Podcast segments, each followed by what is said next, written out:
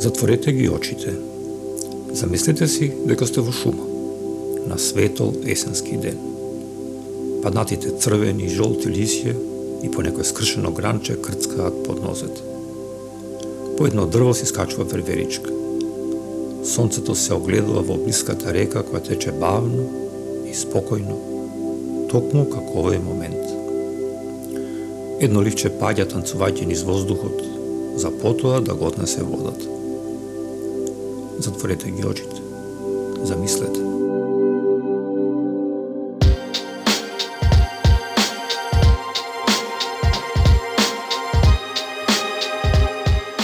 Ова што го слушнавте е сценарио за визуализација, алатка која се користи за медитација и опуштање. Но што ако оној кому му се вели да замисли шума, верверички, бистра река и шушкави лисија, не може да ги визуализира? Постојат ли луѓе чии внатрешно, умствено око е слепо?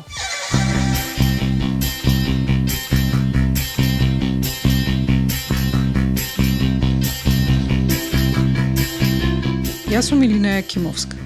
Во оваа епизода од подкастот Обични луѓе ќе зборуваме за афантастите, сосема обични луѓе кои се разликуваат од останатите само по тоа што не размислуваат, не сонуваат и не се сеќаваат во слики. Дали може би и вие сте еден од нив?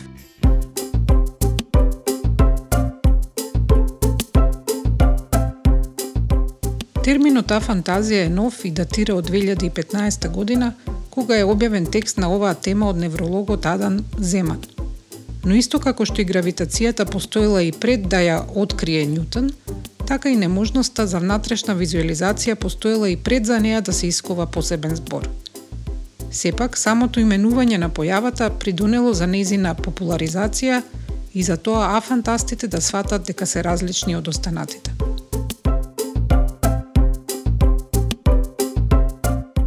Кога Никола првпат ми спомна дека има фантазија и дека не може визуелно да замислува, не му поверував. Станува збор за човек кој предава биомедицински инженеринг и голем дел од својата кариера посветил на визуелно мапирање на мозокот. Важи за голем познавач на филмот и генерално ич не личи на некој кому му недостасува фантазија. Тој да не може да замисли верверичка на дрво, нема шанси. Но откако малку повеќе навлего во темата, сватив дека мојата реакција е прилично стандардна. А фантастите, кои се проценува дека сочинуваат 2% од светската популација, велат дека најчестите коментари кои ги добиваат се чудење и неверување. Нашиот внатрешен, но и нашиот практичен секојдневен живот изгледа толку длабоко врзан со мислење во слики, што повеќето од нас не можат да замислат како е да не можеш да замислиш. Улица од детството, убаво за Едисонце, ликови на сакани луѓе. Искористив едно од така наречените сиести кои ги организира Никола, онлайн средби помеѓу македонски научници раштркани низ различни земји во светот, за со него и со уште 15 на други присутни на Zoom да поразговараме на оваа тема. Дали тој од секогаш знаел дека има фантазија? Дали сум знаел? И да и не, има мислам има еден концепт баш кај тебе на Bookbox го слушнав прв пат се вика хипокогниција. Додека немаш дефиниција на концептот, не знаеш дека тоа воопшто постои. Така што а фантазија е релативно нов концепт и веројатно затоа сега луѓе дознаваат, а па и јас го имам тоа, е па и јас сум го имал, не сум знаел само дека е состојба. Знаците по кои детектирал дека е можно и самиот да има фантазија се два феномена кои се спомнуваат како поврзани со оваа состојба.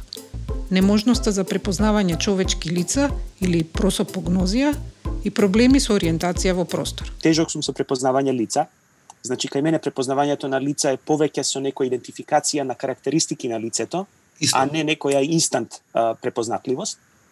И а, уште една работа што мислам дека е поврзана со афантазијата е неспособност да препознавам места. Значи, јас сум способен да се изгубам во нај вообичаеното место. Јас бев на Стенфорд некои 12 години и шетав на Стенфорд со мапа. И кога жена ми дојде на Стенфорд после месец, два, јас си викав, ај однеси ме таму на тоа место кај што бевме, знаеш кое? Затоа што немам способност да формирам ментална слика за просторот околу мене. Или ја возев жена ми со години до дома во Ѓорче, од аеродром до Ѓорче, и еднаш ја утна улицата. И таа ми рече, ми го утна патот. Реков, нема шанси. Абе ми го утна патот, возиш на кај тетово. Викам не, пошто знам дека има една светлечка реклама и треба таа да ја поминам за да свртам десно. Прегорела рекламата и јас сум се изгубил. така што одеднаш а фантазијава некако ми ги стави сите тие работи во контекст и тоа е тоа, едноставно сум лош со слики. Дали полето во кое работи, невроимиджинг или визуализација на мозокот, може да објасни што се случува во мозоците на афантастите? И меѓутоа една работа што нели како експерт за магнетна резонанса ја знам, е дека сите овие студии за функционална магнетна резонанса се дескриптивни, меѓутоа не се баш како микроскоп што ќе може да каже точно кој дел од мозокот е одговорен. Значи функциите во мозокот се дистрибуирани. И да, се знае дека кај луѓе што имаат визуелна а, имагинација, одредени делови се активираат повеќе од други, меѓутоа тешко дека јас ќе ти покажам тебе скен на човек и ќе ти кажам дали овој човек има или нема фантазија. Инаку сакав да, да кажам дека луѓе со фантазија има поголема веројатност да работат во STEM полето. Ова е битно за за Никола, бидејќи знам дека работа функционира во во тој дел. А, истражувања покажува дека фантазијата кога луѓето не можат да визуализираат имат одредени придобивки за а, а, дејности кои се во техничките сектори пример, луѓе со мала способност за визуализација на ментални слики имаат поголема веројатност да работат во научни математички индустрии отколку креативните сектори. Од друга страна, хиперфантазијата, како што кажа Илина дека има хиперфантазија, луѓето имаат нели живописни ментални слики и се чини дека е почесто кај така креативните професии. Ова е гласот на Гоце Симоновски, класичен музичар и композитор, кој го направи специјалниот музички прилог Soundscapes за минатата епизода од нашиот подкаст. Исто како и Никола, и тој има многу мала способност за визуализација, препознавање лица или просторна ориентација. Ако е вистина дека фантастите се главно техничките професии, тоа е исклучок. И ова се тоа начнува едно интересно прашање сега дојдов конечно до композиторскиот дел, зашто човек како мене кој има слаби ментални слики се занимава со уметност, подочно со музика, а не со некој од стем по линијата на истражување. Сега, сега прашањето е како јас успевам да работам музика, да компонирам музика без да визуализирам нешто. Одговорот на ова прашање кое тој го нуди се состои во разликата помеѓу два вида музика. Еден кој подразбира и потикнува визуализации и другиот за кој таа не е потребна. Програмска музика е музика инспирирана од случувањата во природата, од настани во историјата од други уметности како што е сликарството на пример или од други појави. Например Лудвиг ван Бетоен во неговата шеста симфонија, која ја нарекува пасторална симфонија, бидејќи има програмска содржина, ја отсликал природата и неговата приврзаност а, кон природата, на пример. Што е интересно, и ова се вика програмска музика. Значи, музика инспирирана од некој настан, предмет, а, природна појава и така натаму. Или пак рускиот композитор, на пример, Александар Скрабин, кој секогаш а, додека слушал звуци или музика, активно конструира некои ментални слики, но најверојатно затоа што имало уште една интересна состојба позната како синестезија. Наспроти програмската музика, во компонирањето на музички дела постои нешто што се вика абсолютна музика или музика која нема врска со надворешниот свет, ниту пак а, врска со некој конкретен настан а, во овој тип на композитори веројатно спаѓам јас, бидејќи содржината на музиката се развива по некоја внатрешна логика на авторот. Например, рускиот композитор Николај Римски-Корсаков вели дека музиката е компонирала откако најпрвен импровизирал на пијано, па ќе од тие импровизации ќе одбере некој мотив што најмногу му се допаѓа или музичка фраза и потоа понатаму ја развива во музичко дело. А, мислам дека одговорот е тој дека јас на овој начин ја компонирам и ретко, на пример се додека компонирам, а, креирам некои ментални слики. Еден од проблемите кога се зборува за фантазијата е начинот на кој тоа може или треба да се прави. Дали некој има фантазија, живее со неа или страда од неа? Истражувањата покажале дека отсутството на можност за визуализација има и своји предности. А фантастите ретко или воопшто не се подложни на посттравматски синдром – односно од тоа да ги прогонуваат травматични слики од минатото. Ако мозокот го замислиме како хард драйв, нивните се помалку оптоварени со графика, бараат помала компјутерска моќ, потаму би требало и да се побрзи.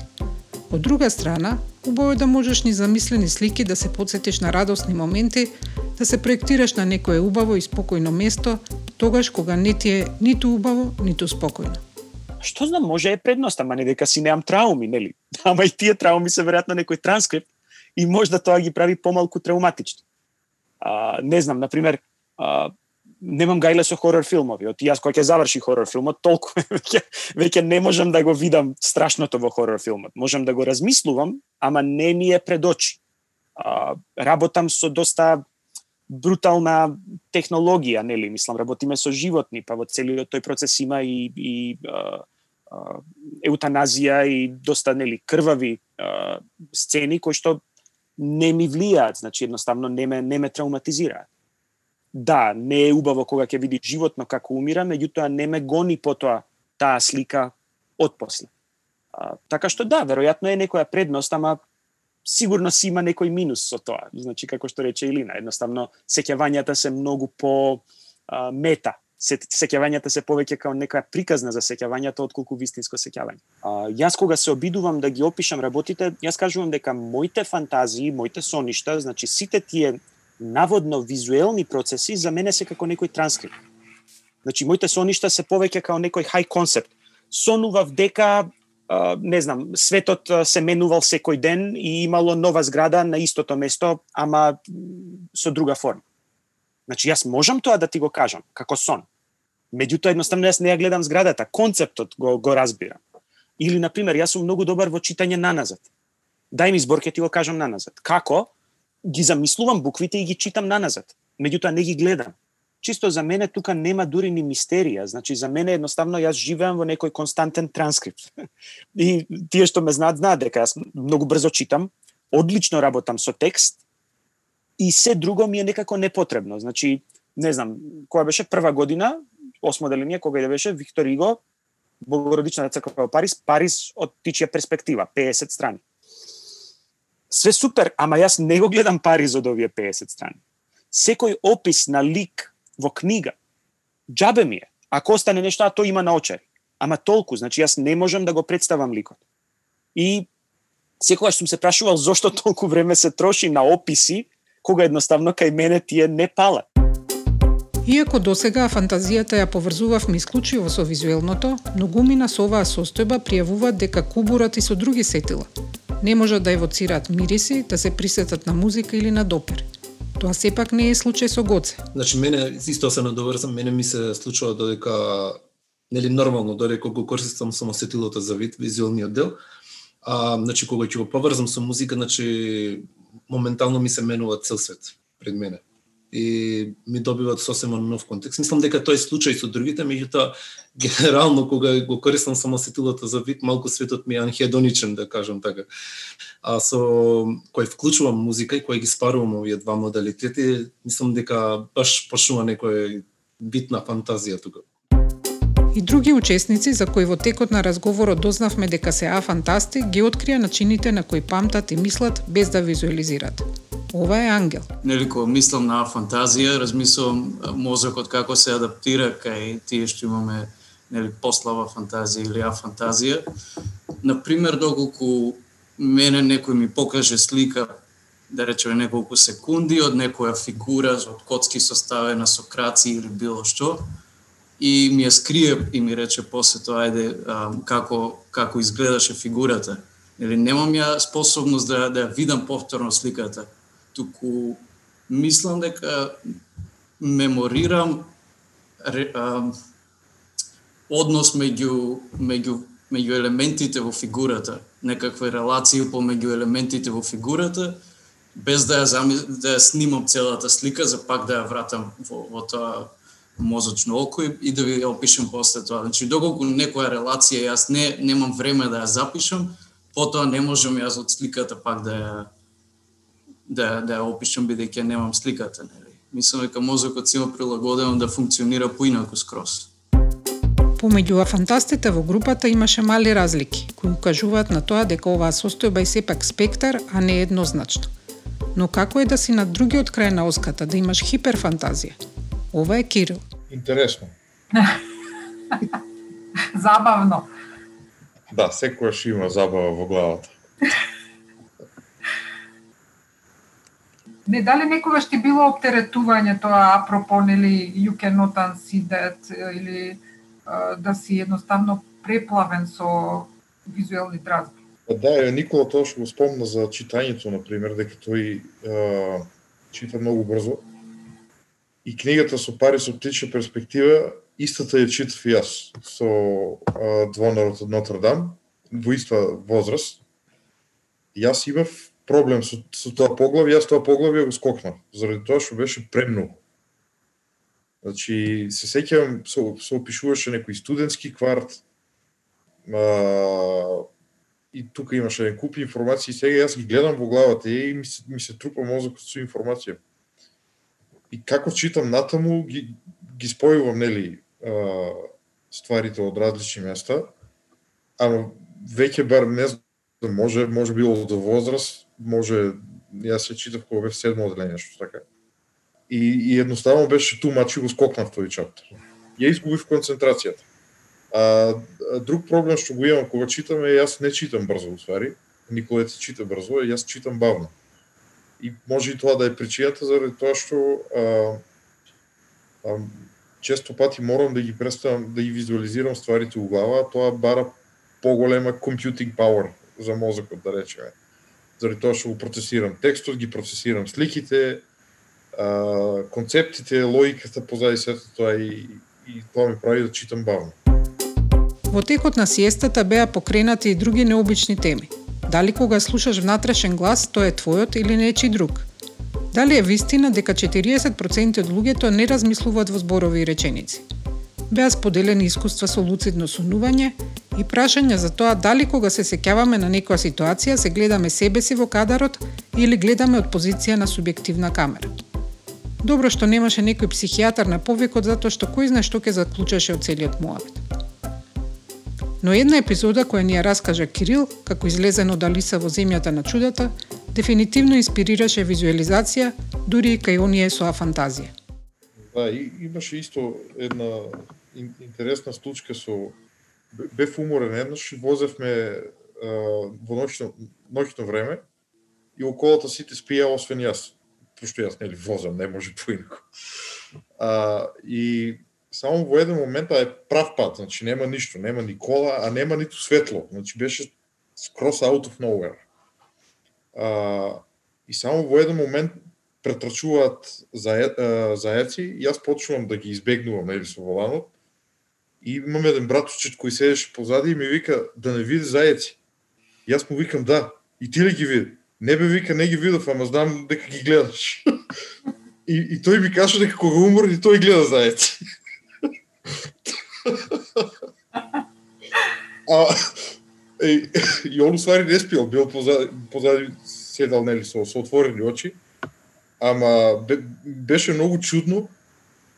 А, тој предпостави што што видов, може биле коњи, може биле носорози, не знам, може биле што год да е, ама ама и кога Има логика за да заспиеш, се овци кои што се така бавни и лежерни, а веројатно за да се разбудиш треба обратното, нешто брзо да замислиш. Не знам, ама да те извади. Очигледно и тој ги гледа кога е увред, цврде некаква. Е, па викаш дека сте фамилија, има нешто. Е, може, да.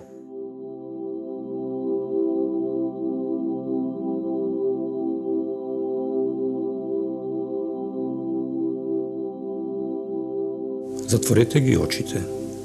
Замислете си дека сте во шума, на светол есенски ден. Паднатите црвени и жолти лисје и по некој скршено гранче крцкаат под нозет. По едно дрво се скачува верверичка. Сонцето се огледува во блиската река која тече бавно и спокојно, токму како овој момент. Едно ливче паѓа танцувајќи низ воздухот, за потоа да го однесе водата. Затворете ги очите. Замислете. Ги видовте зајците?